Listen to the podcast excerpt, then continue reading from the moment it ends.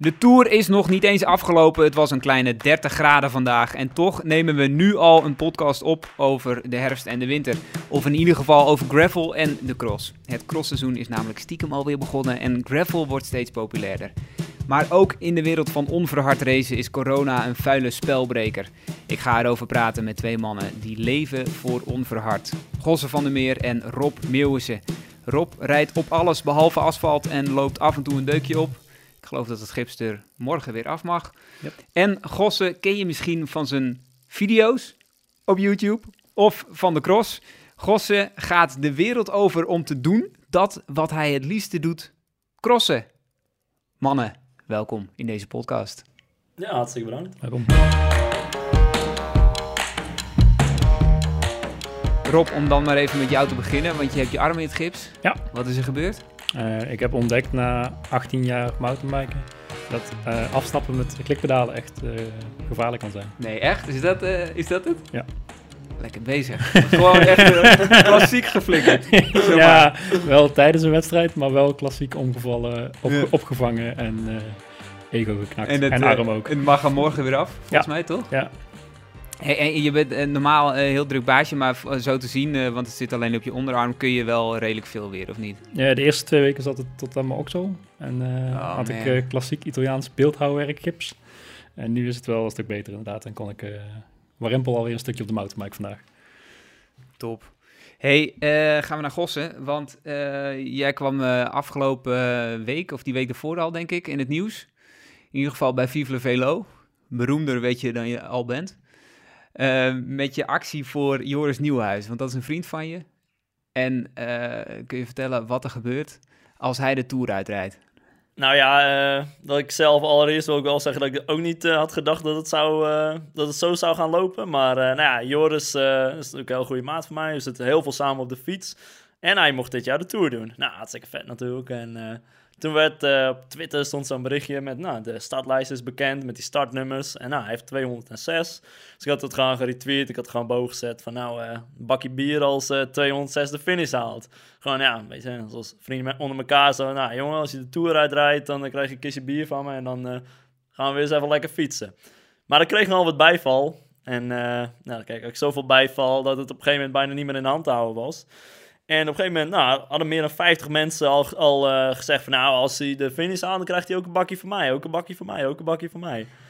En dat was eigenlijk nog voor de eerste rustdag. Dus toen dacht ik van, nou ja, eh, dan eh, organiseren we even een evenementje eromheen. Dus nou ja, Joris en ik doen zelf ook wel vaak een beetje gravel fietsen. Want ja, waar wij wonen in de streek in het oosten van Nederland. En ik woon zelf net over de grens, dus gewoon honderden kilometers gravel ligt daar. Dus ja, daar zijn we wel vaak te vinden. Dus ik zei, nou, doen we een gravel evenementje organiseren.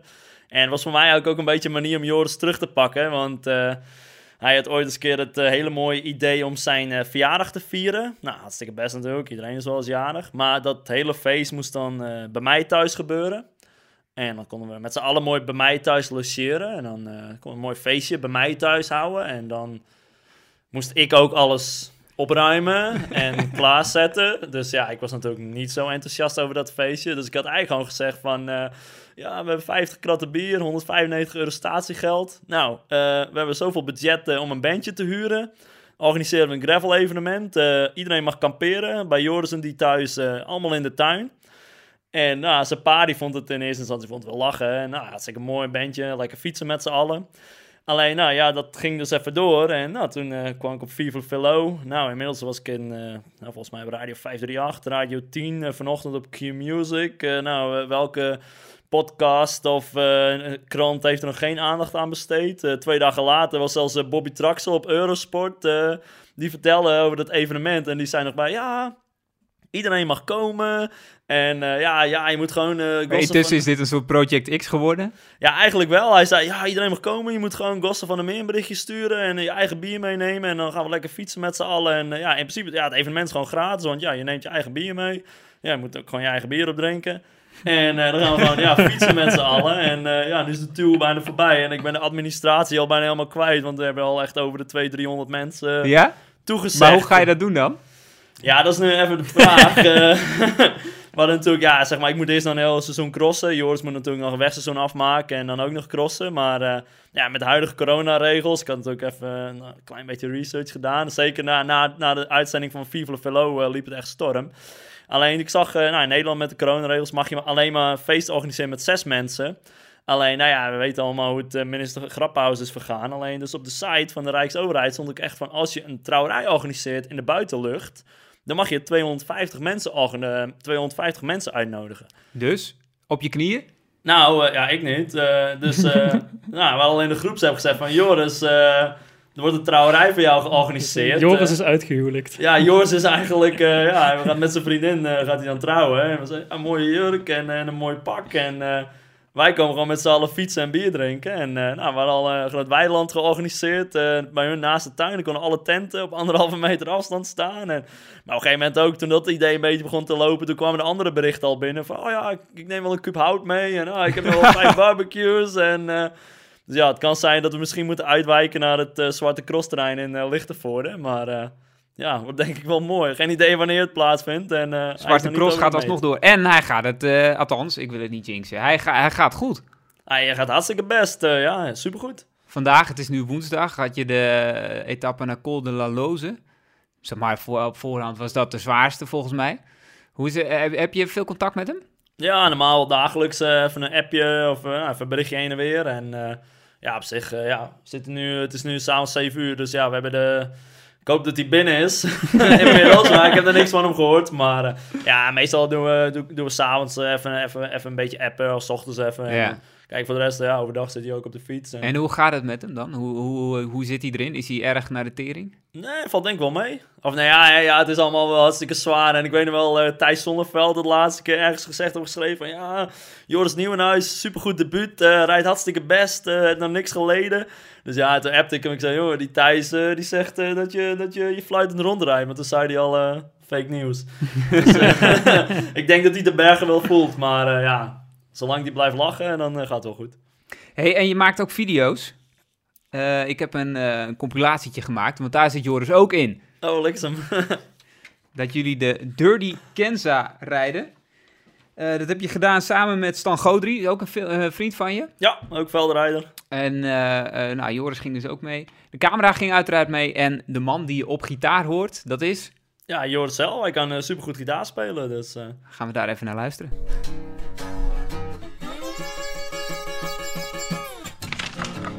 De Joris Nieuwenhuis die wilde geen 200 mijl mee.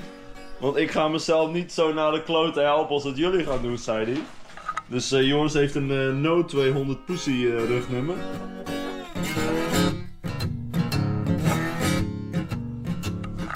Die we hem straks gaan overhandigen als hij eh aankomt sluiten bij ons.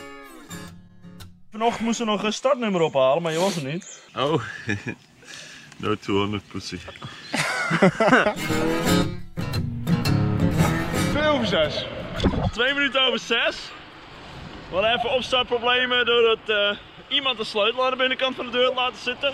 Heeft iemand niet gedacht om even aan de binnenkant te kijken of dat de sleutel nog op zat. En gewoon even naar buiten stappen en de sleutel even in de deur met dicht te laten zitten. Er waren even calamiteiten. We zijn nu twee minuten onderweg. En de eerste strook. En we zijn los! Nou, we zijn los, jongen! Hoe ver moeten we nog? Nou, laten we nou weer niet naar kijken, want dan word ik helemaal gek. Oké. nou, daar eh, gaan we weer. We hebben even een eh, groot eetmoment met z'n allen. Eh, Joris, wat eet je? Een snelle jenner, maar geen gewone. Met pitjes en gedroogde druiven. Laat ik maar eens even zien aan de kijkers. Dit is de leven. Ja, dit is. eh Ja, dit, dit zou wel leuk moeten zijn. Ik zit nu 10 uur op de fiets. Nog eh, zo'n, eh, ja, echt nog wel meer dan 4 uur te gaan. Eh flessen water, leven, ik leef al de hele dag op koekjes. Wie doet je wat? Vaak ben je bang. Maak me te bang. Ja. Dat- ja, ik heb even niks meer te melden. Mooi, jullie Eh, ja, dat is wel een groot woord, leven. Dat is echt wel... Ik laat nog één keer die trap naar boven. Nou, hij zei, je bent op je bestemming. 323 km precies.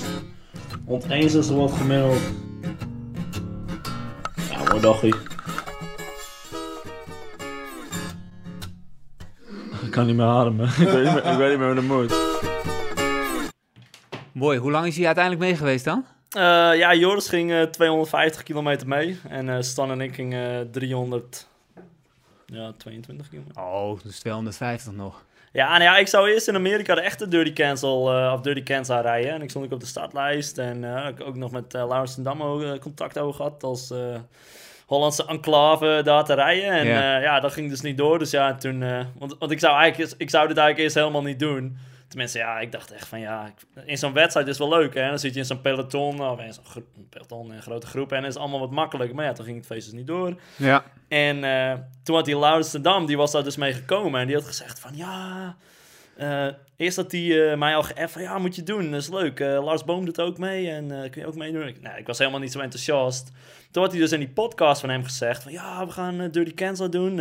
Lars Boom en Gosse van der Meer doen ook mee. Dus had ik wel gek. Ik zei, jongen, is helemaal nog niet zeker dat ik mee ga doen. nee, maakt niet uit, geef niet, moet je maar even kijken. Een week later stuurt die gast mij een linkje van een berichtje door... dat hij ook in een interview eh, bevestigd had... ja, Gossa van der Meer doet ook mee. En dan stuurt hij mij dat linkje met gewoon alleen eronder staat... nu is er geen weg terug meer. dus ja, toen moest ik eigenlijk wel. En, ja, En wat- toen heb je het toch ook gedaan. ja, en je hebt ook eh, eh, standen erin meegekregen. Dus. Nou ja, het, het mooie is aan Stan twee dingen. Hij zeurt nooit en zegt altijd ja. Dus ja, je hoeft maar, ja, je hoeft maar een gek idee te hebben. Stel, ja, we zitten hier nu woensdagavond. Stel, we zeggen, we gaan morgen 300 kilometer gravel fietsen. Ik bel Stan nu op en, ah ja, ik kom vanavond nog wel bij je, ook morgen. Dus ja, die, voor hem is niks te gek. En eh, ja, Joris, die eh, wilde zichzelf niet helemaal naar de kloot helpen. Maar hij had precies één snelle jelle mee en 25 jelletjes. Dus ik weet ook niet hoe ze Ja. de dag erna waren. Maar het was wel een mooi dagje. Dat was dus de Dirty Cancelled. Daar heb je een video over gemaakt. Dat doe je over eh, meer dingen die je meemaakt als, als, eh, als, eh, als crosser. En wat wel bijzonder is, je, je bent eigenlijk een soort freelancer. Kun je vertellen hoe dat een beetje in elkaar zit? Nou ja, ja, boe, hoe, moet- hoe moet ik dat uitleggen? Ja, ik ben, ja, ik Maar je zit niet bij een ploeg bijvoorbeeld. Nee, ja, zeg maar, ik, eh, nou, ik ben al een aantal jaar, noemen ze dan, ja, volgens mij een beetje de officiële terminologie voor dat is individueel beroepsrenner. Wordt dan wel eens geclassificeerd, maar eh, nou ja, ik heb zelf een eh, netwerk van sponsoren om me heen opgezet. En ja, daardoor ja, heb ik voor mij eigenlijk de mogelijkheid om fulltime te kunnen fietsen. Mhm. En eh, nou, ook zeg maar dat ik daardoor heel veel vrijheid heb door ook zelf mijn evenementen uit te kiezen. En als ik dan nou, bijvoorbeeld een toffe uitnodiging krijg eh, om in Australië te gaan crossen. Of eh, nou, ik heb in de ronde van Mongolië op de mountainbike nog eens een keer drie ritten gewonnen. Of afgelopen jaar was ik twee maanden in Amerika om te mountainbiken. Ja, dan hier, zeg maar, doordat ik niet vastzit aan een ploeg. En door, als dit soort mogelijkheden voor mij op, opkomen, ja, dan doe ik twee fietsen in een vliegtuigkoffer en dan vlieg ik die kant op. En dat gaat allemaal via die sponsors waar je dus een, eh, waar je persoonlijke afspraken mee hebt. Ja, zeg maar, ik heb dan, nou ja, wat ik zeg, dus zelf een netwerk eh, met sponsoren om me heen. En dat is ook een heel internationaal netwerk. Bijvoorbeeld, nou, ik rij voor eh, een, een Amerikaanse helmsponsor. En eh, die, die vragen mij dan, hey, wil je naar Amerika komen om, Ja. te, om te mountainbiken? Nou, vraag ik, ja, dat wil ik best doen, maar wat is de precieze bedoeling? Ja, dan zegt ze, ja, maakt eigenlijk niet zoveel uit als je gewoon hier maar aanwezig bent en gewoon, gewoon die, die topwedstrijd rijdt. Kijk, je moet natuurlijk niet eh, een beetje regionale evenementjes gaan doen. Dus toen eh, vloog ik ook naar Amerika. Heb ik dat twee maanden lang eigenlijk ben naar Californië gevlogen. Daar zitten ze, Cali Protectives in Californië. ja, en dan nou, doe je wat dingen daar met die, met die mensen. En dan vervolgens eh reisde ik van Californië naar New Mexico, naar Arizona, naar Colorado. Eigenlijk van wedstrijd naar wedstrijd. En in Amerika is wel heel tof. Dan organiseren ze allemaal gastgezinnen voor je. Dus ja, daar waar ik dus aan de start verscheen van de wedstrijd. Nou, kon ik ook bij mensen thuis wonen. En nou Ja. ja. uiteindelijk heb ik zo weer een super toffe rondreis gemaakt. Maar zo ben ik ook al, nou, denk vijf, zes keer in China geweest. Eh, nou ja, ik zeg, in Mongolië. Ik zat twee maanden in Australië. En Maar je organiseert het dus ook allemaal zelf. Ja, of, of het wordt geregeld door sponsors. Maar je, gaat, je, je, je, je kiest je trips zeg maar zelf. Nou, zeg maar, ik organiseer dus wel echt alles zelf. Dus zeg maar, zo'n met, eh, met mijn sponsoren heb je dan, nou, maak je dan bijvoorbeeld een afspraak en zeg van, nou, dit of dit wil doen. Bijvoorbeeld, eh, afgelopen jaar heb ik heel veel in Engeland gecrossed. Mhm. Nou, ik eh, word gesponsord door Engels wielermerk, Hunt. Komt ook steeds meer in Nederland. En ja, zeg maar, die vragen dan van, hé, hey, eh, wat kunnen we doen? Eh, nou, ja, zeg maar, want ik probeer natuurlijk als sporter ook, nou, gewoon interessant te zijn voor mijn sponsors. Hè? Het is Ja. natuurlijk niet, eh, niet alleen, maar, alleen maar dat je spullen krijgt. Het is natuurlijk een wisselwerking. En nou, dan probeer je met hun ook een plan te maken van, hé, hey, hoe kan ik jullie ook zoveel mogelijk laten renderen van jullie investering in mij. Want dat is natuurlijk, zeg maar, als ik dat kan blijven doen, dan blijven die sponsoren ook mij trouw en kan ik ook blijven fietsen. En toen hadden we eigenlijk een heel mooi plan gemaakt om, eh, om een, volgens mij, vijf of zes wedstrijden in Engeland te rijden. De National Series Trophy. Dat zijn allemaal UC-crossen. En eh, nou, dus dan werk ik dat ook helemaal uit, zeg maar. En nou, wat ik dus ook wel doe, zeg maar, ik probeer natuurlijk zo, ook zo goedkoop mogelijk te maken. Dus zeg Ja. maar ook dat voor hun die investering zo laag mogelijk is, maar het rendement zo hoog mogelijk. Dus ja, ik weet nog, ja, ik weet nog, ik had een heel bestand gemaakt van 12 pagina's per wedstrijd met drie verschillende reisopties. Dus nou, als ik met de vliegtuig ging, als ik met de auto ging, als ik met de trein ging, wat dan het goedkoopste was. En of ik nou direct naar die wedstrijd zou vliegen, want bijvoorbeeld het bedrijf zit in het zuiden. Als ik dan in het noorden moest crossen, als ik dan in één keer naar het noorden, vloog en zij reden daar, of ze moesten me we- onderweg op het vliegveld oppikken. Dus dat was helemaal doorgerekend en allemaal. Ik weet nog wel, zeg maar, ja, volgens mij de totale kosten waren iets van, eh, voor mij waren dan iets van eh 1800 euro. Ja. En dan kwamen hun, hun brandstofkosten en overnachtingskosten nog bij. Volgens mij heeft niemand ooit dat hele bestand open, geopend. Die zag gewoon 1800 euro. Ze zei, oh ja, geen probleem, betalen we wel.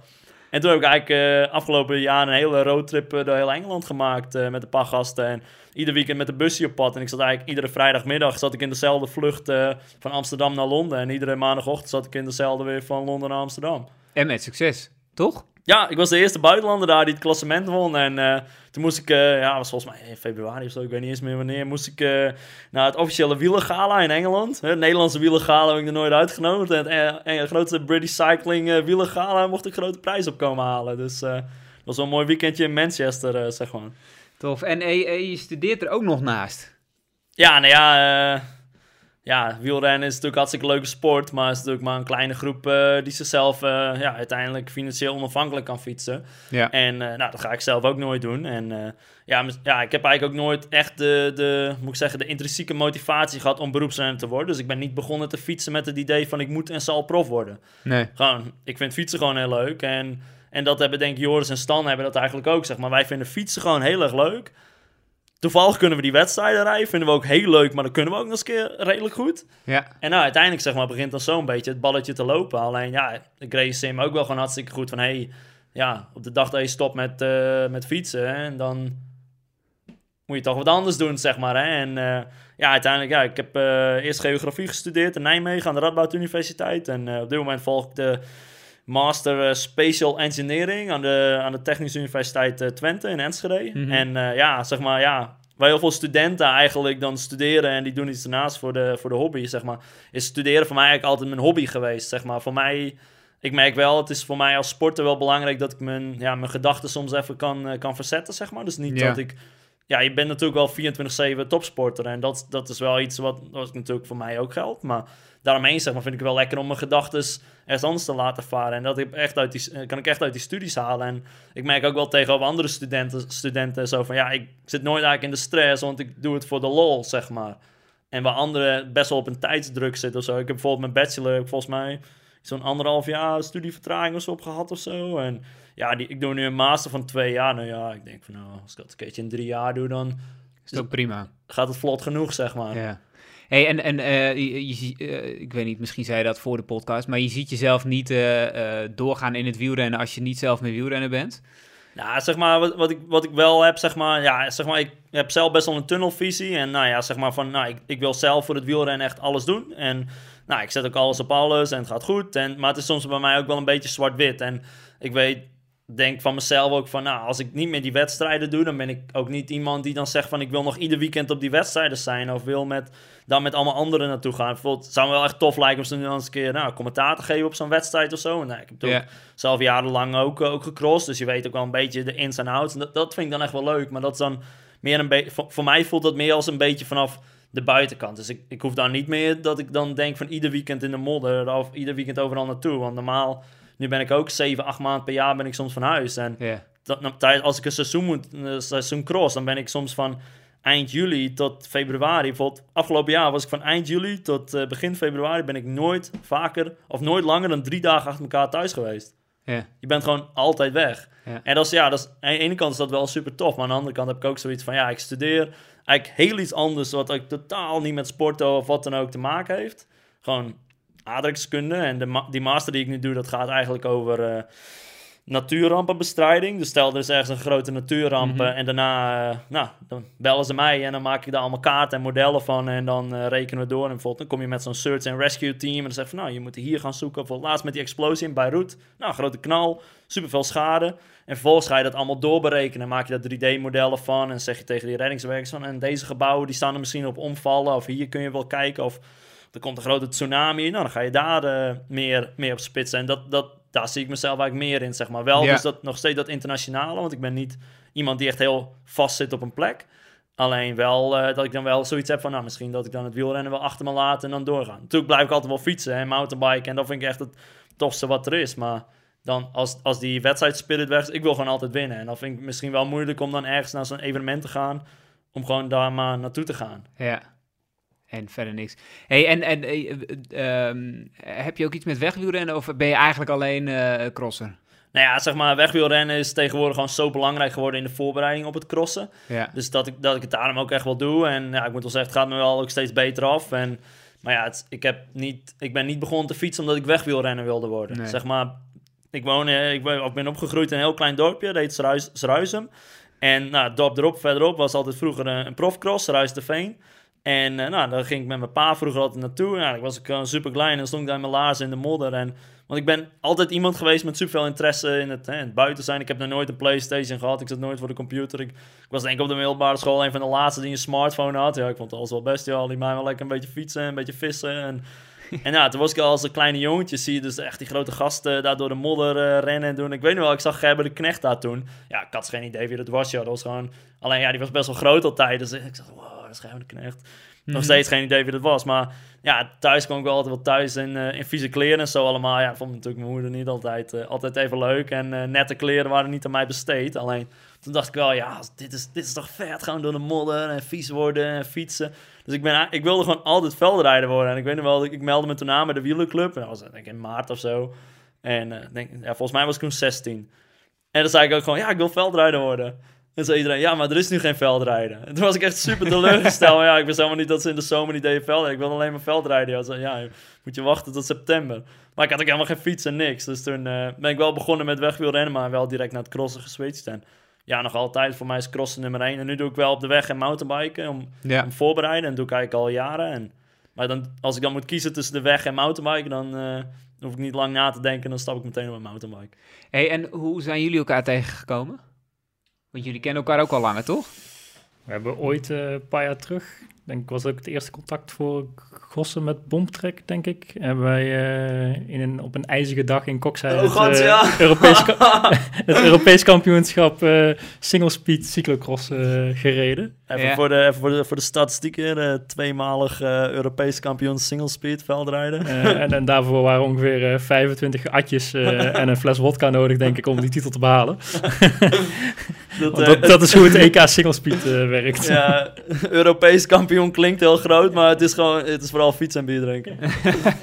het werkt zeg maar een beetje zoals met de biathlon, hè? als je dan zo moet schieten en je Ja, mist dat je een extra ja, ja. rondje moet doen. Een bieratlon. heb Ja, dat is daar, Ja, als, je, ja, als je de atjes mist, dan moet je extra lusjes rijden. Dus je moet wel je koppen bijhouden, zeg maar. En hoe verder je komt in de race, hoe zwaarder de trippels worden. Ja, de benen worden er ook niet beter op, hoor.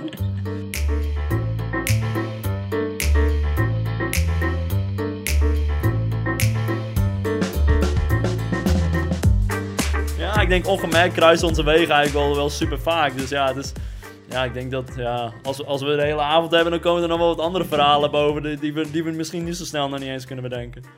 Maar ehm, het, het, het crossseizoen zit er ook weer aan te komen. En eh, eh, je, je hebt afgelopen weekend in Zwitserland gereden.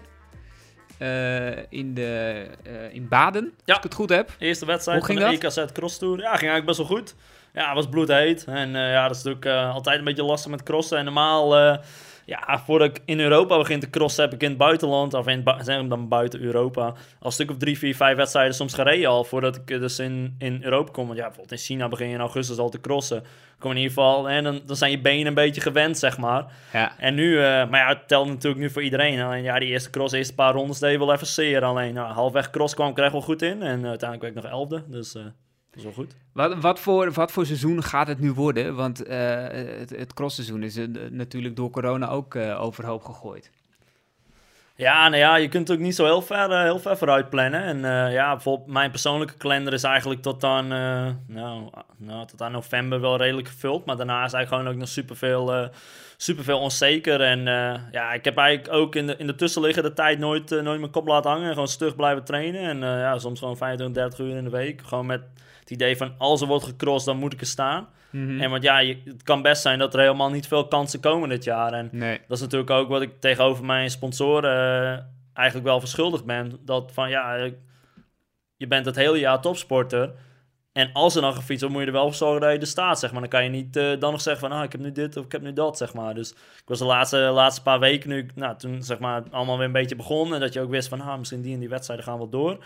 Toen was ik wel, merk ik van mezelf ook wel dat ik wel wat voorzichtiger word. Dus zeg maar, dus dat ik anders wel eens wel heel goed ben in eh, domme dingen doen op een fiets. Op, op onhandige momenten. Zoals een eh, sleutelbeen breken of iets in je hand breken door ergens van een drop van twee meter af te springen. Een week voor de eerste cross. Eh, ja, dat soort dingen doe ik dan nu niet meer, zeg maar. Omdat ik wel heel bewust ben van, hey, eh, koppen bijhouden, goed Ja. trainen en heel blijven. Dat je gewoon op die wedstrijden er staat. Ja, het Ja. zal een beetje fietsen worden waar gefietst kan worden. Hè? En eh, Ja. de wedstrijden worden georganiseerd en net zo makkelijk weer afgelast. Of, of afgelast door gemeentes of instanties.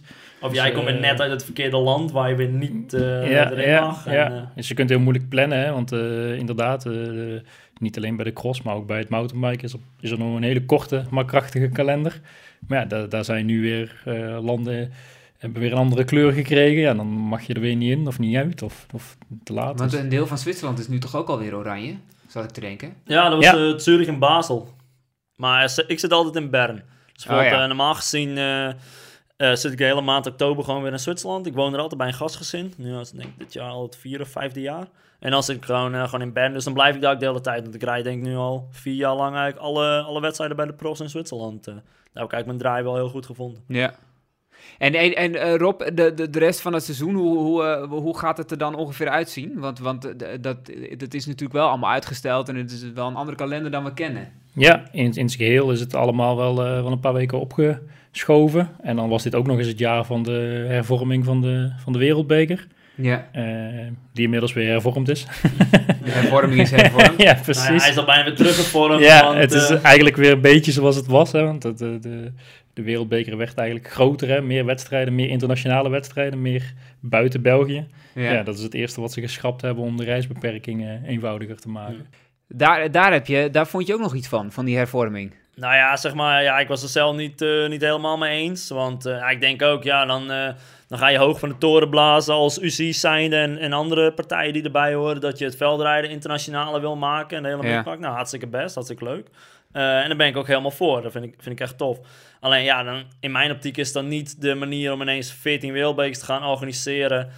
En waarvan alsnog de helft in België wordt gehouden of in Nederland. Zeg maar in principe voor het crossen België en Nederland dat is gewoon hetzelfde. Dan, Ja. Zeg maar als wij als Nederlanders in België gaan crossen, dan ga je al niet meer naar het buitenland om te crossen. Terwijl voor, bijvoorbeeld voor die Fransen of zo, ja, maakt het eigenlijk ook niet zoveel. Want Bijvoorbeeld die wereldbeker in hoog rijden. Ja, eh, je kunt eh, een steen over de grens gooien. Je kunt met, je, met, je, met het Belgische netwerk bellen. Dus ja, dat is allemaal een beetje hetzelfde. En ik heb eigenlijk meer zoiets van, dan moet je niet heel veel meer wereldbekers doen. Dan moet je juist misschien gewoon hetzelfde aantal wereldbekers houden als dat die eerste. Dat waren volgens mij zeven of acht of zo. Zoiets. Ja, een beetje rond die slag. Maar dan doe je gewoon één of twee in België. Ja. En dan de rest in buitenland. Wat, want wat je nu ook ziet Maar- met 14 wereldbekers, is eigenlijk is ieder weekend een wereldbeker. Maar er zijn natuurlijk er zijn meer wedstrijden dan wereldbekers. Hè. Kijk, niet alle renners hebben ook een niveau dat ze in de wereldbeker kunnen of mogen, mogen deelnemen. En dan zijn natuurlijk ook in heel veel landen zijn dus C2-crossen of C1-crossen, zoals in Frankrijk, in Tsjechië, in Zwitserland, in Luxemburg. Maar die worden nu ook eigenlijk allemaal geblokkeerd door die wereldbekers. Ja. En dan zie je dus ook wel, dus in plaats van dus dat je misschien meer doet om in dat soort landen, of daar meer te helpen om die cross. Want dat soort landen is het heel moeilijk om die cross te organiseren. Of, hè, om de financiering een beetje rond te krijgen, om een paar buitenlanders aan de start te krijgen. heb ik eigenlijk meer zoiets als UC's zijn van, hey, help dat soort organisatoren bijvoorbeeld in een streek die het lastiger hebben om wedstrijden te organiseren, van help hun misschien met een, ik noem maar iets, kleine financiële bijdrage. In plaats van dat je ineens zegt, we doen 14 wereldbekers, ieder weekend een wereldbeker. Die worden eigenlijk door één en dezelfde partij georganiseerd, door een Belgische partij. Dus dan hou je eigenlijk, die wereldbeker wordt helemaal niet internationaler. Het is gewoon diezelfde groep van Belgen die nog steeds alles organiseert. Maar die zetten nu gewoon het hele circus Ja. 500 meter over de grens in Nederland. Ze pakken Dus gewoon alles op en ze zetten het ergens anders neer, maar verder verandert er weinig natuurlijk. Ja, terwijl als je echt het in het buitenland die wedstrijden wil, wil of echt wat voor het veldrijden wil doen, dan zou je misschien daar meer, meer moeten kijken. Want uiteindelijk, het begint bij de baas. Hè. Kijk, ik ben ook begonnen met veldrijden, omdat ik die, eh, die grote mannen door de modder zag banjeren in een C2-wedstrijd in Sruisderveen. Ja. Kijk, en, en, en, en jochies zoals ik en, meiden ook, ja, die lopen er ook in Frankrijk rond, lopen er ook in Tsjechië rond, lopen er ook in Spanje rond. Dus het idee was eigenlijk internationalisering, maar dat, eh, dat, dat krijgen ze hier eigenlijk helemaal niet mee met die hervorming. Nee, en ik denk ook, zeg maar, eh, ja, ik wil, zeg maar, hervorming is natuurlijk altijd goed voor vernieuwing. Alleen, bijvoorbeeld in heel veel landen waar het bijvoorbeeld in populariteit afneemt, of waar, je, waar het misschien een beetje lastig is, zoals, nou, ik cross ook een paar keer per jaar wel in Tsjechië, dan zie je soms ook wel dat, hè, dat minder publiek bij de wedstrijden is, of dat ook bij die losse wedstrijden echt minder buitenlandse renners zijn. Terwijl Tsjechië is ook een land met hele rijke, rijke cyclocross-historie, met WK's en Pilsen en Tabor. Terwijl ik dan denk van, probeer daar ook wat meer op in te zetten. Dus natuurlijk, er is een wereldbeker in Tabor, maar bijvoorbeeld ook in Spanje, in Igorre. En vroeger was er altijd een wereldbeker in, in, in Italië.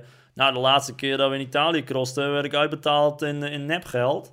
En dat was, was in een rondje waar, waar één keer een wedstrijd is in gehouden. en nepgeld, echt waar? Daarom was Ja. ook op de paardenrenbanen. Hoe Ja, kwam je erachter dan? nou, toen ik bij het tankstation wilde betalen en die balletten niet door de scanner kwamen. Ja, echt? Ja, ik er wel gekleurd op, ja. What the fuck?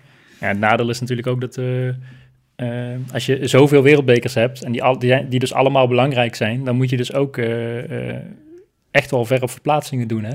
Eh, en buiten de wereldbekers zijn er ook nog superprestiges en, en talloze andere kleine... Ja, zoals die Eh, EKZ Cross Tour in, in, in Tsjechië, of eh, wat zeg ik nou, in Zwitserland. Maar bijvoorbeeld, zeg ik, jongens zoals ik, die natuurlijk normaal gezien ook heel graag die wedstrijd in het buitenland rijden.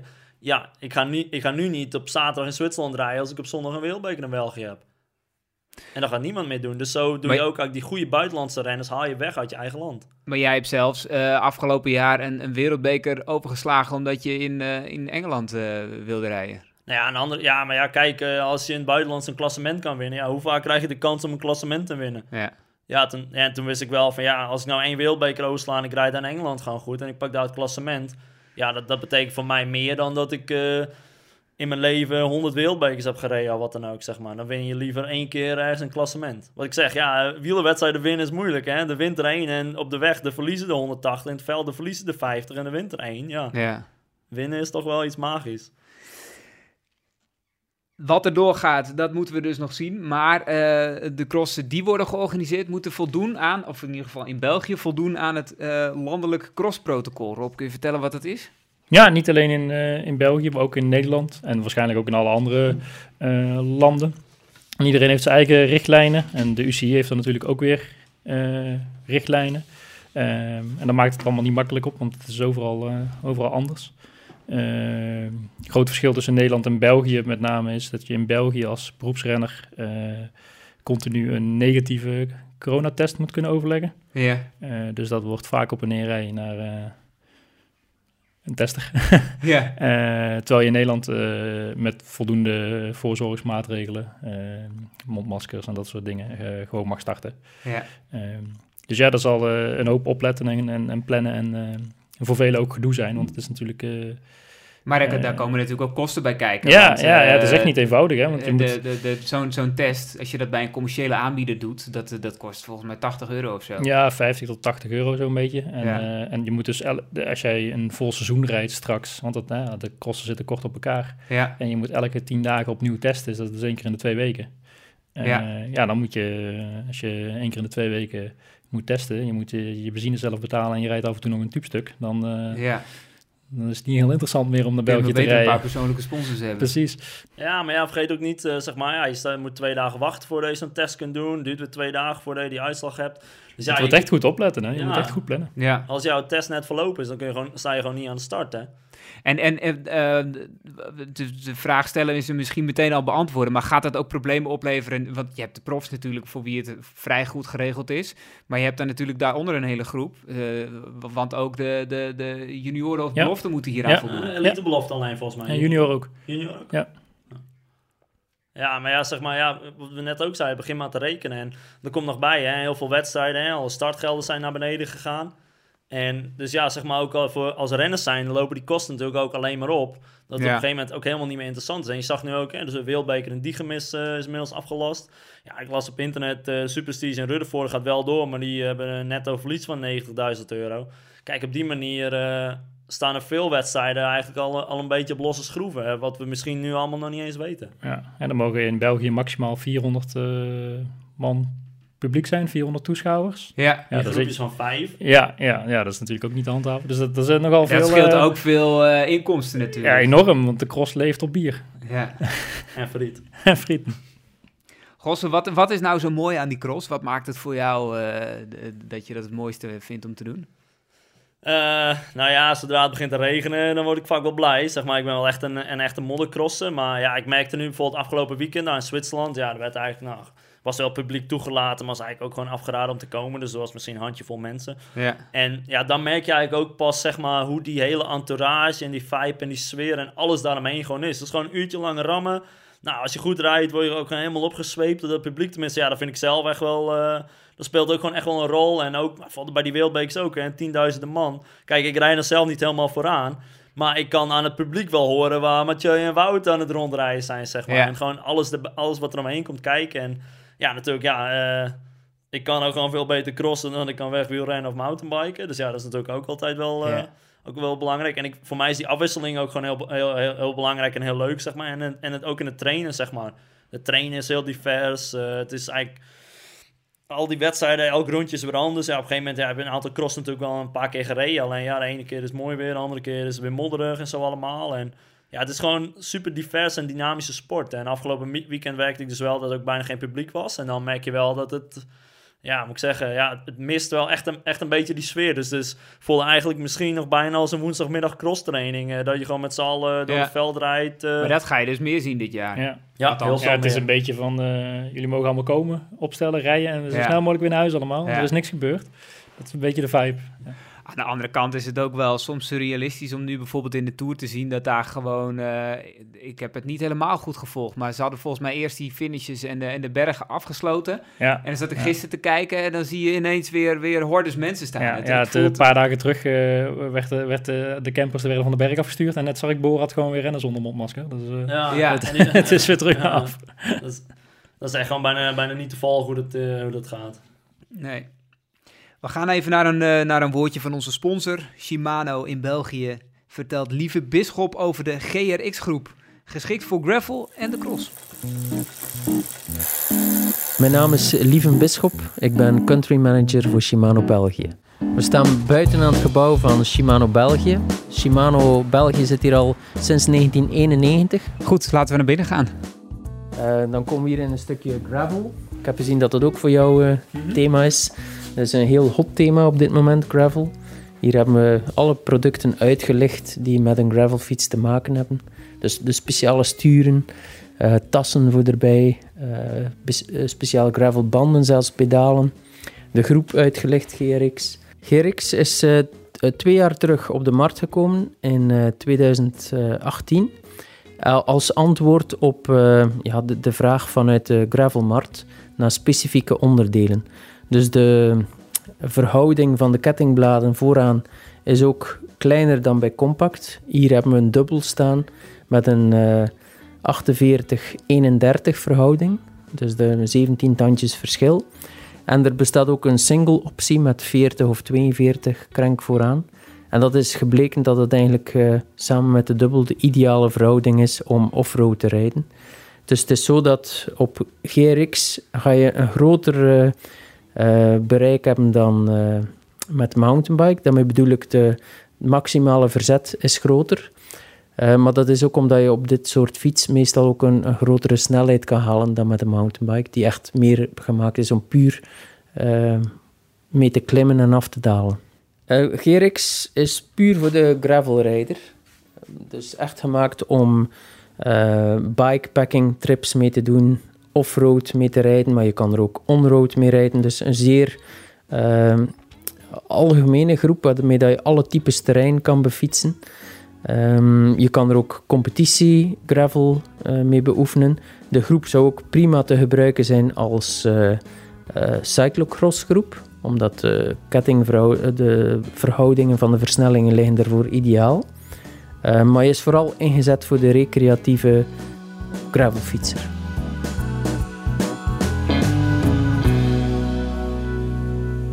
Ja, gaan we even door met eh, eh, gravel, als jullie het goed vinden. De nieuwe hype, of mag ik dat niet zo noemen?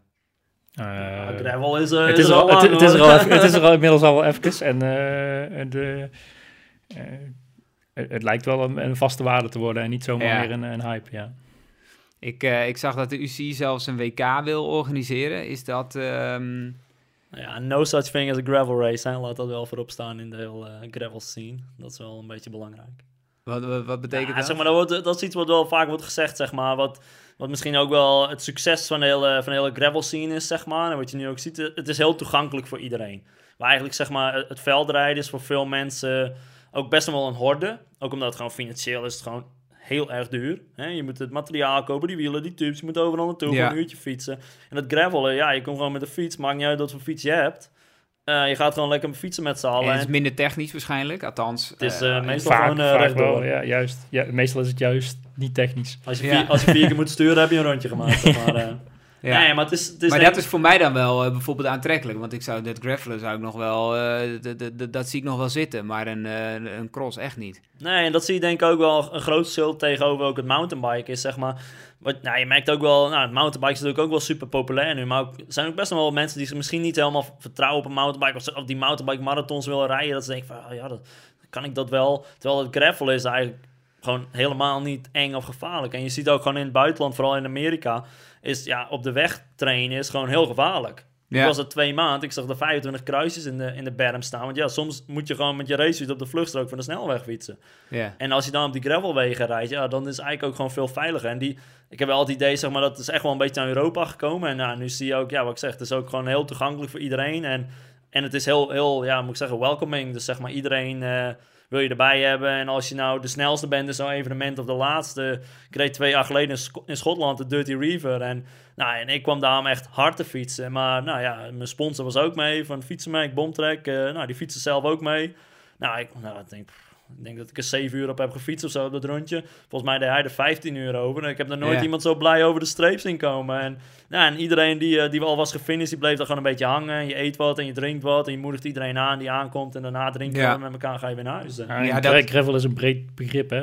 Als je, zolang je, zodra je van de weg af bent, eh, eh, ben je aan het gravel fietsen. Ja, precies. Want je hebt natuurlijk eh, duizend verschillen, verschillende soorten Ja, gravel. Als is het, maar lastig, als het maar eh, niet asfalt is Het is eigenlijk. lastig te interpreteren altijd. Hè? Want hier is gravel vaak gewoon een, eh, ja, toch een zandpad. Ja. En lijken veel graveltochten op, eh op toertochten zoals we in de winter wel met de mountainbike rijden. Ja. Eh, maar ga je naar, naar Zuid-Spanje of, eh, je hoeft helemaal niet zo ver of over de ergens anders, dan, eh, dan ziet, eh, ziet gravel er heel anders uit. En ook de ondergrond waar je mee geconfronteerd wordt.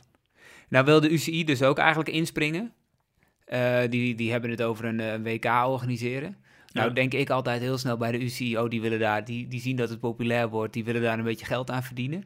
Of is het een goed idee dat de UCI zich hiermee gaat bemoeien en dat het een soort eh, officiële discipline gaat worden? Nou, je hoort vanuit zeg maar, de, de, de, de scene zelf, zeg maar, dat daar niemand echt positief tegenover staat. Want wat ook wel een beetje zo is, van, het is natuurlijk ook heel moeilijk om zo'n wedstrijd te organiseren. Want ook in die gravel-wedstrijden, ja, dat klinkt heel gek, maar de geluksfactor speelt ook best wel mee. Want som- sommige wedstrijden is gewoon, je moet gewoon hopen dat je geen lekker band hebt. Hè? Ja. ja, je rijdt er soms rij je gewoon 250 kilometer over grind. Ja, er hoeft maar één steentje verkeerd te liggen. En, Ja. en je hebt een lekker band of je hebt wat, zeg maar. En het is ook gewoon onderweg heel moeilijk te monitoren, denk ik. En ja, je merkt echt wel vanuit de evenementen die er zijn, want er zijn eigenlijk relatief weinig gravelwedstrijden. Ja, dat ja, is, zijn allemaal echt toertochten Ja, het is, Ja, het is in Amerika zijn er echt een hoop wedstrijden. Hè. Daar kun je elke, elke week wel, eh, wel met een nummer op rijden. Maar in, in Europa zijn er, is, het echt een, is het maar een handje Ja. vol eigenlijk. Ja, dat, maar Ja. dat idee heb ik dus ook heel erg. Dat we, hier hebben we echt volgens mij een tour scene. Is, Ja. is Ja, het, ja, eh, is het ja. tapiertje naar aflopen en, Ja, eh, en in een hot tub stoppen? Nou, ik... eh, Dat is bij die wedstrijden ook trouwens. Hè. Ja, maar, ja dat, maakt, dat maakt niet zoveel uit hoor. Nee? Maar, nee, volgens mij, ja, ik won vorig jaar de Arizona State Championship eh, gravel race. ja. En ja, hier in Europa eh, was eh, in Duitsland hadden ze een Orbit 360 georganiseerd. Nou, en er was, eh, was eigenlijk het idee was in elk Bundesland, of het was in elke deel- de- Duitse deelstaat, was een parcours uitgezet. Van tussen de 250 en 350 kilometer. Nou, en dan moest je daar gewoon zelf naartoe gaan. Je deed die route en dan deed je zo hard mogelijk fietsen. En dan deed je dat uploaden naar zo'n website. En dan werd een beetje een soort van Strava, maar dan georganiseerd, zeg maar. Nou, en ik had dat gedaan en ik had de snelste tijd gereden in Noord- en Westfalen, de deelstaat waar ik woon. Nou, afgelopen weekend was het evenement afgelopen. Nou ja, ik, had, uh, ik was bijna een uur harder gefietst dan de nummer 2. Uiteindelijk, ja, je hebt er ook nooit, nooit meer wat van gehoord, zeg maar. Het dus- interesseerde eigenlijk ook helemaal niemand hoe hard je dat had gefietst. Nee, maar het was gewoon een hele mooie dag. En mooi door de Eifel. En was ja, gewoon echt een dikke dag op de fiets. En ja. het is, zeg maar, dat wedstrijdelement is, is helemaal niet, niet bepalend. En dat is ook niet het succes van deze discipline. Dus ik denk wel, zeg maar, als de UC zich ermee gaat bemoeien, dat, dat, dat ook heel veel evenementen zich daar een beetje van afkeren. En wat je denk ook ziet in Amerika met het mountainbiken is uh, nou, op een gegeven moment is een beetje een soort van, moet ik zeggen, een clash ontstaan. Ook tussen de UC en USA Cycling en de mountainbike wedstrijden. En daar worden heel veel mountainbike wedstrijden georganiseerd, gewoon los van de bond. Dus je hebt bijvoorbeeld Epic Ride Series, zijn echt perfect georganiseerde mountainbike wedstrijden. Dan heb je op vrijdagavond een Fat Tire Crit. Ja. Dus dan gewoon iedereen met zijn mountainbike kan criterium rijden door de, door de start. Of door de stad waar de start is. En dan op, op zaterdag heb je een grote amateurwedstrijd met duizenden, duizenden mensen. En op zondag heb je dan de... Ja, daar is iedereen die een elite licentie heeft, is daar beroepsrenner vol- volgens hun. Dus dan heb je dan de pro race. En eh, dat is gewoon super succesvol. Alleen daar zeggen ze ook van ja... In plaats van dat we de bond of de UC eh 50 of 60.000 dollar eh fee betalen om te organiseren, doen we dat gewoon niet. Ja. Dan mag geen UC-punten. Dan gaan we het prijsgeld omhoog gooien. Dus daar gooien ze gewoon die 50.000 euro in de pot om te fietsen. En alle toppers zijn er. En je ziet ook heel veel van die gravel-evenementen. Dat is gewoon, het zijn geen wedstrijden. Dus je hoeft ook niet bij een bond aangemeld te zijn. Nee, dus er gaat misschien juist wel... Die, die evenementen gaan zich eigenlijk ook afkeren... omdat er iets verloren zou gaan als de UCI dus zich ermee gaat bemoeien. Of in ieder geval als het eronder gaat vallen. Want Het kan ook wel een succes zijn, hè? want eh, eh, wat je ziet in het mountainbiken vooral is dat alles steeds technischer wordt en moeilijker. Ja. Eh, en dat is tof als jij vanaf kinds af aan daarmee opgroeit. Maar de drempel om het nog te gaan doen is, wordt steeds hoger. Eh, dus ik denk niet dat ik, als ik jou nu een mountainbike geef en je gaat eh, naar de wedstrijd in Beringen, waar, wat een paar weken geleden, die een paar weken geleden is gehouden, ja, daar word je niet vrolijk van. Dat is zo'n ambulance bellen. ja, Ehm, we niet- waarschijnlijk wel. Zeker weten. waarschijnlijk. Zeer waarschijnlijk. Ehm, maar zo'n zo'n gravel race, eh, ook in het bos, Ja. eh, is een stuk toegankelijker. Hè? Vooraan reizen hard, achteraan is het ja, een, een vredelde tour toch? Net als een mountainbike marathon. ja. Eh, maar een stuk minder technisch. Eh, dus elke wegwielrenner die de saaie dijk inmiddels beu is, die, die kan een gravel race rijden. Ja. heb je toch een stukje competitie. Maar een stuk toegankelijker dan een uur lang eh jezelf te pletten rijden op. Ja. Maar Ja. anders, anderzijds dus wel, het zijn vaak wel lange wedstrijden, 150 tot 250 kilometer. Of tenminste veel van die gravel. Je hebt ook wel veel kortere natuurlijk. Er zijn ook wel veel, die zijn juist, ze zijn vaak lang, omdat het allemaal wel, het moet allemaal wel episch en epic en spannend zijn natuurlijk. Ja, je ziet ook dan- wel dat er steeds weer meer kortere, eh, Maar toegankelijkere komen. Zeg natuurlijk maar. ook wel weer heel moeilijk uitzetten. Dus wat, wat, tenminste wat ik ook wel heb gemerkt, ook echt met die langere evenementen. Het is natuurlijk ook wel, ja, je, je koerst of rijdt een beetje op basis van vertrouwen, zeg maar. Dus iedereen je moet zelf die route laden. En dan moet je er eigenlijk ook vanuit gaan dat niet iedereen gaat afsteken. Mhm. Want dat je niet van tevoren als er uitzoeken, oh hier kan ik afsteken, daar kan ik. Hè, bij de, als je echt eh, voor, de, voor een overwinning rijdt, wordt het ook wel gecheckt. En dan moet iedereen die files wel, wel uploaden. En moet zo kijken of je niet in ergens eh 10 kilometer korter hebt gefietst. Alleen dat is ook wel iets wat ik denk wel heb gemerkt. eh, dat van tevoren, ja, je moet de route zelf downloaden. En deze route gaan we fietsen. En nou, wie de eerste terug eh, komt, nou, die heeft het goed gedaan. Ja. ja, die heeft Ja. het goed gedaan. Ja, nou ja, zo is het toch een beetje. Ja, ja. hey, en eh Gosse, jij fietst op een bomtrack dus. Je hebt het al een paar keer eh, tussen neus en lippen genoemd natuurlijk. Heel professioneel. Ja, zo ben ik, hè. Wat, wat, eh, nou, dan zal ik er nu ook maar gewoon even vragen. Wat is dat voor merk? Ja, hij is, eh, ja, hij is een super tof merk. En eh, het past denk ik ook heel goed, eh, heel goed bij mij. En eh, ze komen uit Keulen, uit Duitsland. En eh, ja, is oorspronkelijk eh, een beetje ontstaan vanuit, eh, vanuit de BMX scene. Dus eh, ik weet niet of mensen bekend zijn met We The People BMX'en. Radio bikes. Ik Ja. niet. Nou ja, dat is zeg maar een beetje, ja, moet ik zeggen, We The People qua BMX'en. En van die skateparken met van die backflips, noem alles maar op. Ja. Dat, dat is een beetje de specialized van de, van de BMX'er. Ja, gewoon echt een beetje de high, high, high-end. Dan heb je radio bikes. Die zitten ook wel vrij hoog in die, in die ranking, maar misschien, misschien net iets minder, zeg maar. Dus dat je een soort van instapmodel hebt. Nou, en de man die daar ooit mee is begonnen, Harry, die is, eh, nou, heeft dat vrij succesvol opgebouwd, zeg maar. Nou, die heeft daar een mooi distributiebedrijf ook omheen opgezet, ook vanuit Keulen. En eh, nou, een paar jaar geleden, volgens denk zeven jaar geleden of zo, toen, voordat die gravel echt een hype was en dat bikepack en dat hele mikmak echt een hype was, eh, wilden ze eigenlijk die fietsen wel een beetje verkopen. Ze zagen daar misschien wel wat in, maar die waren heel moeilijk om bij andere merken te vinden. Maar hij had inmiddels al best wel een knap bedrijf opgezet. Dus toen dat heeft hij eigenlijk gewoon gedaan. Hij heeft gewoon drie mannen aangenomen. Zei, hier heb je een zak met geld. Eh, wij doen alle administratie via het bedrijf. Eh, begin maar een fietsenmerk. En we zijn dit soort fietsen, eh, willen we een beetje gewoon de, die, de, de adventure dingen willen we een beetje gaan, gaan doen. En ze zijn eigenlijk echt de bomtrek. eh veel mensen kennen dat misschien van het liedje van Race Against the Machine. Ja? Nou, daar is dus ook echt naar vernoemd. Ja? Ja, dat is echt, daar komt echt de naam van. En ze zijn eigenlijk een beetje ook begonnen met fietsen. Stel, ik noem maar iets. Je bedenkt vandaag van, nou, ik wil vanuit Nederland naar Beijing fietsen. Dan eh, koop je een bomtrek en dan uh, fiets je daarmee de hele wereld over. En je kunt tien keer in elkaar lassen en eh, kabels buitenlangs. Zelfs zo, die, die stalen frames van hun, als je die koopt, daar zitten zelfs houdertjes op, op de achterbrug, waar je drie reservespaken hebt. Dat zit allemaal er gewoon ingemaakt. Nou, en vervolgens ja, ging dat... eh, over de jaren verandert er wel eens wat. Nou, en hij crossfietsen en cyclocrossfietsen zijn natuurlijk heel, heel divers. Je kunt ermee in het bos rijden, je kunt ermee op de weg rijden. Ja, en daardoor nou, zijn ze die een beetje er ook eh, bij gaan maken. Nou, ze maken super mooie gravelfietsen. Want het, het, het, het merk is helemaal gericht op dit soort dingen. Ja, gewoon echt wel, nou, gewoon op, eh, op avontuur en mooie dingen. En zeg Ja. maar, het is niet... eh, ze zijn bijvoorbeeld, ze hebben geen, eh geen racefiets van 10.000 euro met duurrace of zo. Zeg maar, ja, dat is voor hun ook helemaal niet interessant om te maken. Maar ze hebben bijvoorbeeld wel stalen fietsen waarmee je van een Himalaya-rots eh, af kan vallen. En, eh, En ze sponsoren dus ook mensen die dat doen, of die dat proberen. nou, niet van die rots afvallen, maar wel die echt, eh, nou, gewoon de hele wereld ja. over fietsen. En eh, ja, van, de van de Russische ijsmeren tot, eh ja, tot Fins Lapland. eh, ja, als, soms als je een keer, eh, ik noem maar iets, je bevindt je op een uithoek van de wereld en je ziet iemand op een fiets aankomen fietsen, dan is er wel een grote kans dat hij waarschijnlijk op een bomtrek eh, rondrijdt. Ze waren een van de eerste die in, in die niche-markt doken, die nu dus steeds populairder eh, wordt. En, Wat nu zie je dus, eh, nou ja, de, onze sponsor. eh, Shimano heeft natuurlijk die GRX-groep bijvoorbeeld. En, en, Ja. je ziet ook dat ze met hun assortiment daar ook heel erg op gericht zijn. En dat doet natuurlijk veel meer van die grote merken die eigenlijk eh, nou ja, oorspronkelijk ergens anders in zitten. Of, of in het mountainbiken Ja. of in het, eh, of het wegwielrennen. En die gaan helemaal hierop zitten. Of helemaal, die gaan eh, zich hier heel erg op richten. Omdat, er natuurlijk, eh, omdat het steeds Ja. populairder wordt. ja, dan is het wel leuk om te weten denk ik, dat in die hele collectie van Bomtrek komend jaar zit maar één fiets met GRX volgens mij. En de rest is Ja. allemaal, dus omdat, het, eh, omdat ze echt hun eigen koers varen, kiezen ze de onderdelen die het beste bij een fiets past. En Ja. dat, dat is echt voor van alles, van alles wat. Ja, ja, die doen het echt eh, de, puntjes door uitzoeken. En eh, ja, dat is voor sommige mensen bijvoorbeeld, nou, die heel gewend zijn van, nou, fiets komt al, uh, fiets, eh, stel je koopt een fiets van 3500 euro, een racefiets, die komt standaard met Shimano LT-graden, dit en dat, die wielen, Ja. die banden.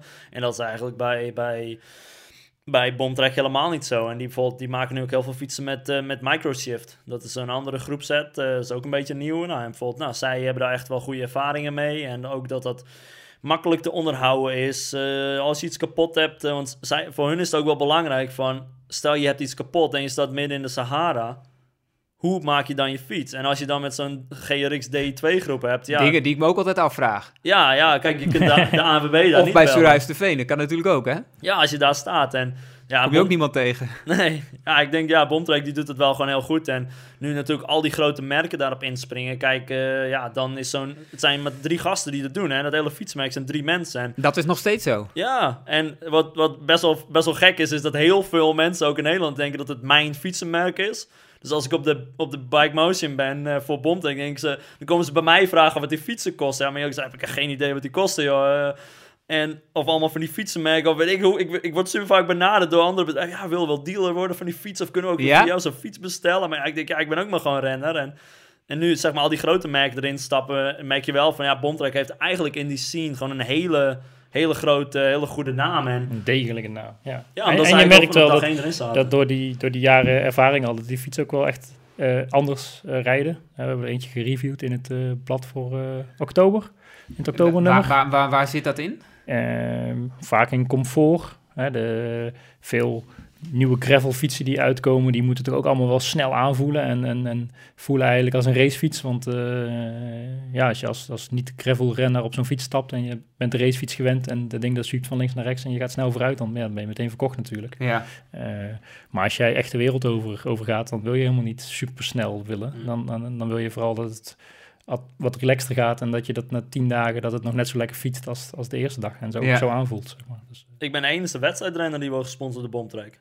Voor de rest zijn het echt, echt alleen maar mensen die echt super toffe avonturen maken. En dan Ja, gewoon... eh, ja. Maar is de, is de fiets ook dan meer geschikt voor dat, eh, voor dat recreatieve? eh, Nou, zeg die maar? van mij niet. Dat, zeg maar, ik heb natuurlijk wel gewoon echt eh ja, topmodel carbonfiets eh, Ja. met goede onderdelen. Ja, die, die wegen natuurlijk ook geen gram te veel. Maar bijvoorbeeld, nou, zoals eh Gaël, is een Franse meid die wordt gesponsord door Bontrek. Ja, die heeft gewoon een stalen fiets eh, waar ze mee eh, over Russische ijsmeren heen en weer fiets. Ja, daar heb je ook niks aan een carbonfiets. En daar maakt ze docu's over, toch? Ja, maakt hele gave video's van. En volgens mij is ook een, een Engelsman, Andy heet hij. Die, eh, ja, die had eigenlijk niet zoveel zin meer om te werken. Of nou, die denkt, ja, ik heb al zo lang gewerkt, nu ga ik wat anders doen. Nou, hij had een eigen huis, een koophuis. Nou, die heeft hij volgens mij bij Airbnb gezet. Nou, die is eh, altijd eh, verhuurd. Nou, eh, van de huur die hij elke maand binnenkrijgt van het huis, woont hij al drie jaar in zijn tent en zijn fiets. En ja, nu, nu zit hij weer in Finland. Nou, als het al even wat kouder wordt en wordt het wat warmer in Portugal, dan fiets hij naar Portugal. Als je denkt van, nou ja, ik heb al zin in Chinees. De meeste mensen bestellen dat, maar hij stapt op de fiets en rijdt er naartoe. En wat, en wat vraagt Boomtrack eigenlijk terug van jou, van die, van die sponsoring? Ja, dat je het merk in de etalage zet, maar, maar hoe, hoe, eh, hoe doe je dat? Nou, zeg maar wat, nou, wat je wel ook ziet bij Bomtrek en wat je eigenlijk ook ziet bij al die evenementen. Hè, dat hele gravel gebeuren ook. Hè. Nu ook, hè, UC stapt erin. Hè. Ze wil wat meer wedstrijden, wat meer sportiever en zo allemaal. En ja, voor, voor Bomtrek is dat voor zo'n merk wordt het dan ook wel, wel een beetje belangrijker. Van, hey, omdat ook een beetje in die sportieve scene zit van... Ja, we zijn niet alleen maar gewoon, je stapt op een fiets en het hoeft niet hard te gaan en we doen maar wat, zeg maar. En ja, bij mij, zeg maar, ik word wel echt gesponsord als, als beroepsrenner. En dat wordt door hun ook echt helemaal zo verkocht van ons. Nou, or pro-rider, dit en dit. Mhm. En omdat ik wel gewoon echt, ja, ik ben die-hard fietser. Wedstrijdfietser. Niet, zeg maar, ja, ik word niet warm van een trip van... hey, kom, laten we een maand door de Finse sneeuw gaan fietsen op fatbikes. Ja, dan zeg ik, ja, ik blijf liever thuis. En ik train gewoon 25 uur in de week en slaap om 10 uur s'avonds. En zeg maar, dus dat, dat is wel, wel, een, wel een verschil. Alleen ik denk, ja, bij dat merk heb je gewoon een super gave combinatie met renners die die zulke mooie reizen maken. Nou, en dan, ik doe dan meer het wedstrijdelement, maar er ligt ook gewoon helemaal geen druk op. Dus voor hun... Ja, ik- ik, kan geen mensen die, ik ken geen mensen die eigenlijk trotser en enthousiaster zijn over de resultaten die ik bij elkaar rij. En ze slaan geen wedstrijd over. Afgelopen weekend eh, was dan een mooie livestream van die wedstrijd in Zwitserland. Ja, nog voordat ik over de streep kom, eh, heb ik al allemaal berichten van het halve personeelsbestand dat ik de elfde was geworden en dat het zo goed ging en zo mooi. En of, Ja. ik, nou, of ik nou eerst of dertigste word, iedereen is altijd blij. En, Het, en- het halve personeelsbestand is ook anderhalve man dan. ja. ja, maar, nee, maar ook van het hele bedrijf. twee berichten. Nee, nee, nee. Ja, zeg maar dan het hele bedrijf eromheen, zeg maar. Dus eh, bij, nou, het heet dan de Cologne Bicycle Group. Daar werken iets van 40, 50 man, zeg maar. De grote paraplu eroverheen. En die eh, volgen echt, eh, echt alles. En, maar ja, je ziet daar denk ik ook wel het Bontrek wel echt wel een neusje voor heeft, zeg maar. Ja, het is natuurlijk een klein merk. Dus je moet eigenlijk altijd voor zorgen dat je net één stap vooruit loopt. Ja, want als, als die grote merken instappen, dan ben je gewoon een stap te laat. Zeker met z'n drieën. En Ja. wat zij heel goed doen is evenementen uitzoeken en die sponsoren en daarop instappen. En op het moment dus dat die evenementen nog niet zo groot zijn. En bijvoorbeeld, je hebt dan in Schotland heb je de Dirty Reaver. Dat is, dat is nu best wel een gevestigde naam in het gravel, eh, gravel fietsen. Maar dat is voor iedereen nog bekend als de Bombtrack Dirty Reaver. Maar ja, Ja. die sponsoren dat evenement al vanaf de eerste of de tweede editie. ja. Kijk, en nu eh, doen daar, weet ik veel, eh 2000 man aan mee. En is dat het grootste, grootste gravel-evenement van Europa eigenlijk. Omdat dat ook min of meer wordt gezien als wedstrijd. Kijk, en dan, dan is het voor Bomtrek misschien niet helemaal financieel meer haalbaar om te sponsoren. Maar zij zijn nog wel altijd gewoon in het publiek daaraan verbonden. En zo zijn ze echt heel handig met dat ze evenementen vinden. Daar hebben ze, ja, Manuel heet die, die heeft echt een neusje voor. En nog even eh, los van Boomtrack, als je nou een, eh, een gravelfiets wil kopen, waar, waar, waar zou je op letten? Altijd zelf eerst erop fietsen. En, en, en, en er zijn, er- ik denk dat er een paar dingen zijn die heel eh, een groot verschil maken bij het gravelfietsen. Eh, de, veel merken springen in vooral op, op comfort. Nou, laten we vooropstellen dat een gravelfiets eigenlijk bijna nooit comfortabel is. Want met een omgebouwde racefiets over onverharde paden rijden, dat is natuurlijk nooit heel erg leuk. Ehm, Maar waar zit Ja, dat ik vind het best wel leuk hoor. nou ja, kijk, eh, een mountainbike heeft niet voor niks vering. Ja, precies.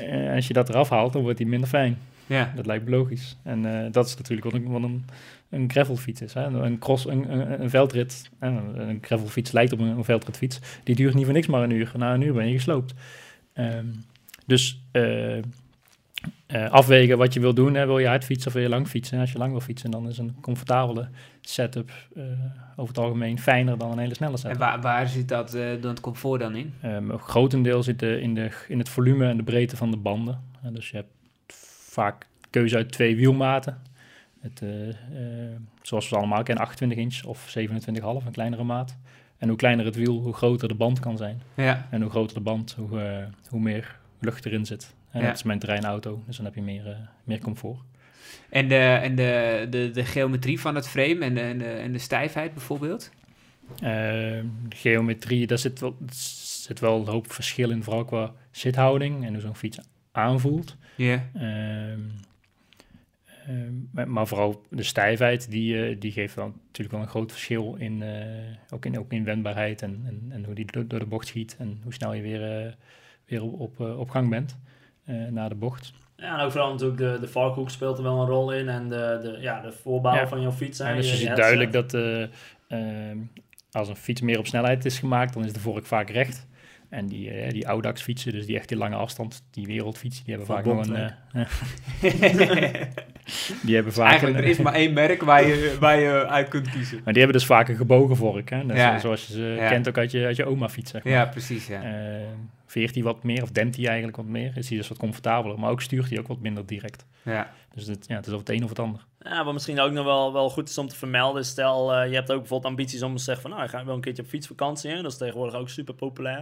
Je hebt natuurlijk ook eh, veel van die gravelfietsen, hè? wat Rob net ook zegt. Die zijn misschien net iets meer gefocust op, op wedstrijden of snel. Hè? Mhm. Eén dag fietsen, s'avonds in je eigen bed slapen. Maar je hebt dus ook een heel, eh, hele lijn met gravelfietsen... die dus ook allemaal nog draadbusjes op het frame hebben. Op de vork, op de achterbrug. En dan kun je net even wat makkelijker een rekje erop doen... als je zegt van nou, we gaan een weekendje fietsen. We overnachten ergens, nemen een tasje mee.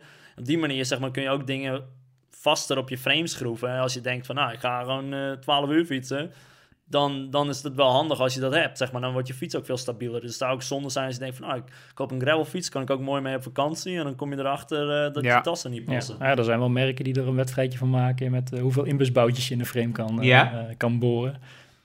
Zoals Bomtrek. Ik heb heel veel tassen kwijt.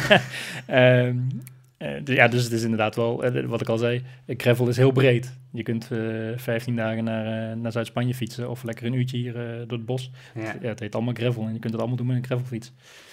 We gaan tot slot nog even naar de Strade Bianca Achterhoek. Want voor de opname van deze podcast sprak ik even met de organisatie van die gravel race, Sander Mille.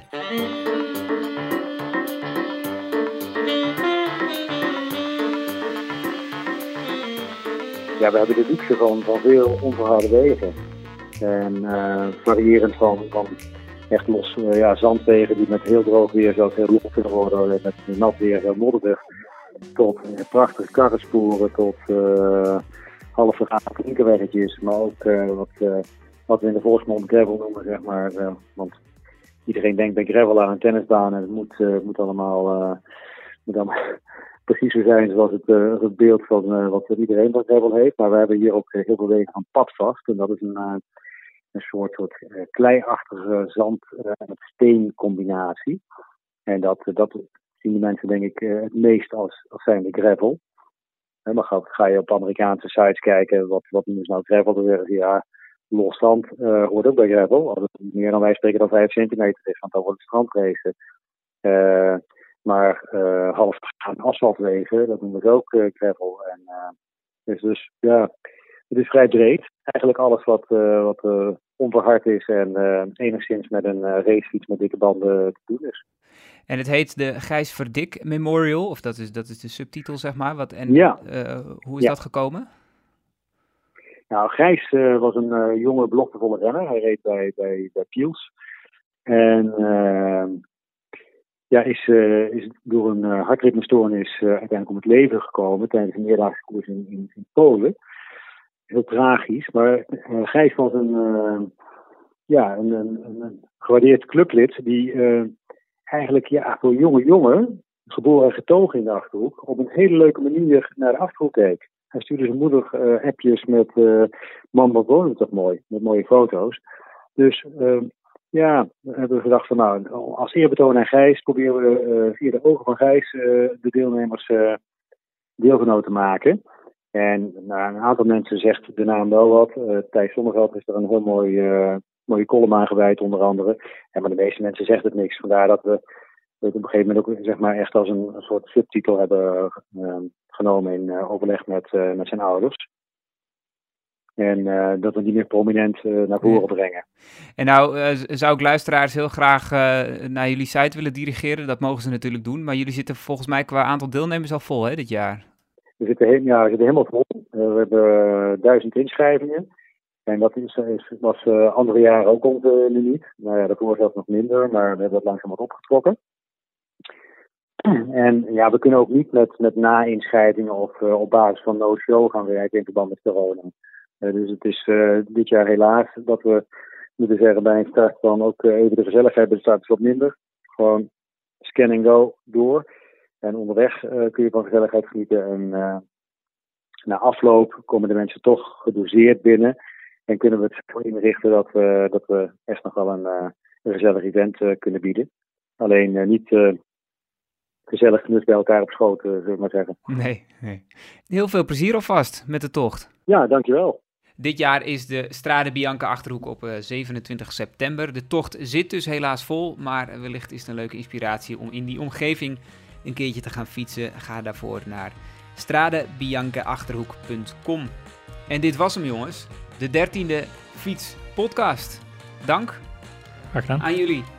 En voor wie al zin heeft in de rest van het seizoen, check onze webshop voor de nieuwe Pro Cycling over de Giro en de Vuelta. Een uniek nummer, want nog nooit zaten beide grote rondes in één magazine. Geef ik nu het woord aan Peter Winnen, die niet crost, maar graag alleen fietst.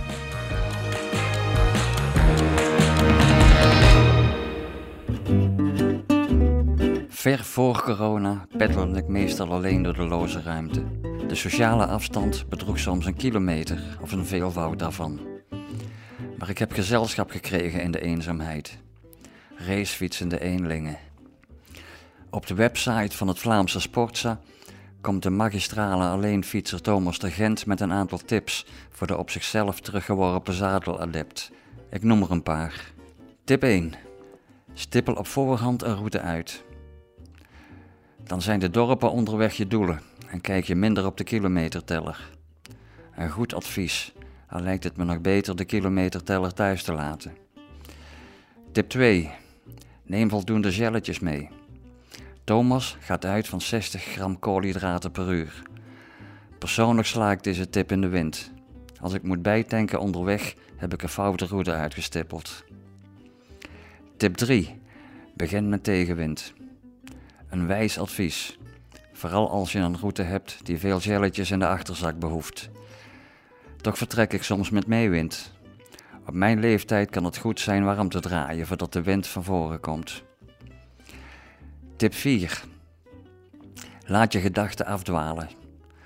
Alles waar gedachten achter kunnen blijven haken is volgens Thomas goed. Een nieuwe auto, een volgende post op Twitter. Elk spontaan idee is oké. Mits je het niet vergeet natuurlijk. Tip 5. Kijk niet naar je gemiddelde snelheid. Wie gewend is in groepjes te fietsen, ziet zijn gemiddelde snelheden natuurlijk drastisch dalen. Thomas vindt 30 per uur voor een goed getrainde wielertoerist genoeg. Voor de rest is 27 à 28 per uur uitstekend. Ik schrik toch van die getallen. Ik zou zelf voor het welbevinden gaan. Tip 6. Solo rijden is je eigen lichaam leren kennen. In een groep vergeet je door het sociale verkeer vaak naar het lichaam te luisteren. Solo doet alles veel eerder pijn. Dat is gezond en leerzaam. Volgens mij is een beetje pijn heilzaam en te veel pijn weinig leerzaam. Met pijn is het als met bier. Met Thomas komen we de crisis te boven. Ik heb alleen het gevoel dat hij zelf in zijn trainingen precies het tegenovergestelde doet dan wat hij adviseert. Als alles voorbij is, trakteert hij ons op verwoestende hoogstandjes.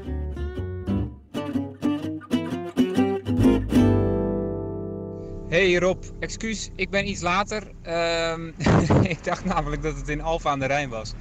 Ik ben er nu om eh, half zes, dus ehm, zie ik jullie dan. Joep.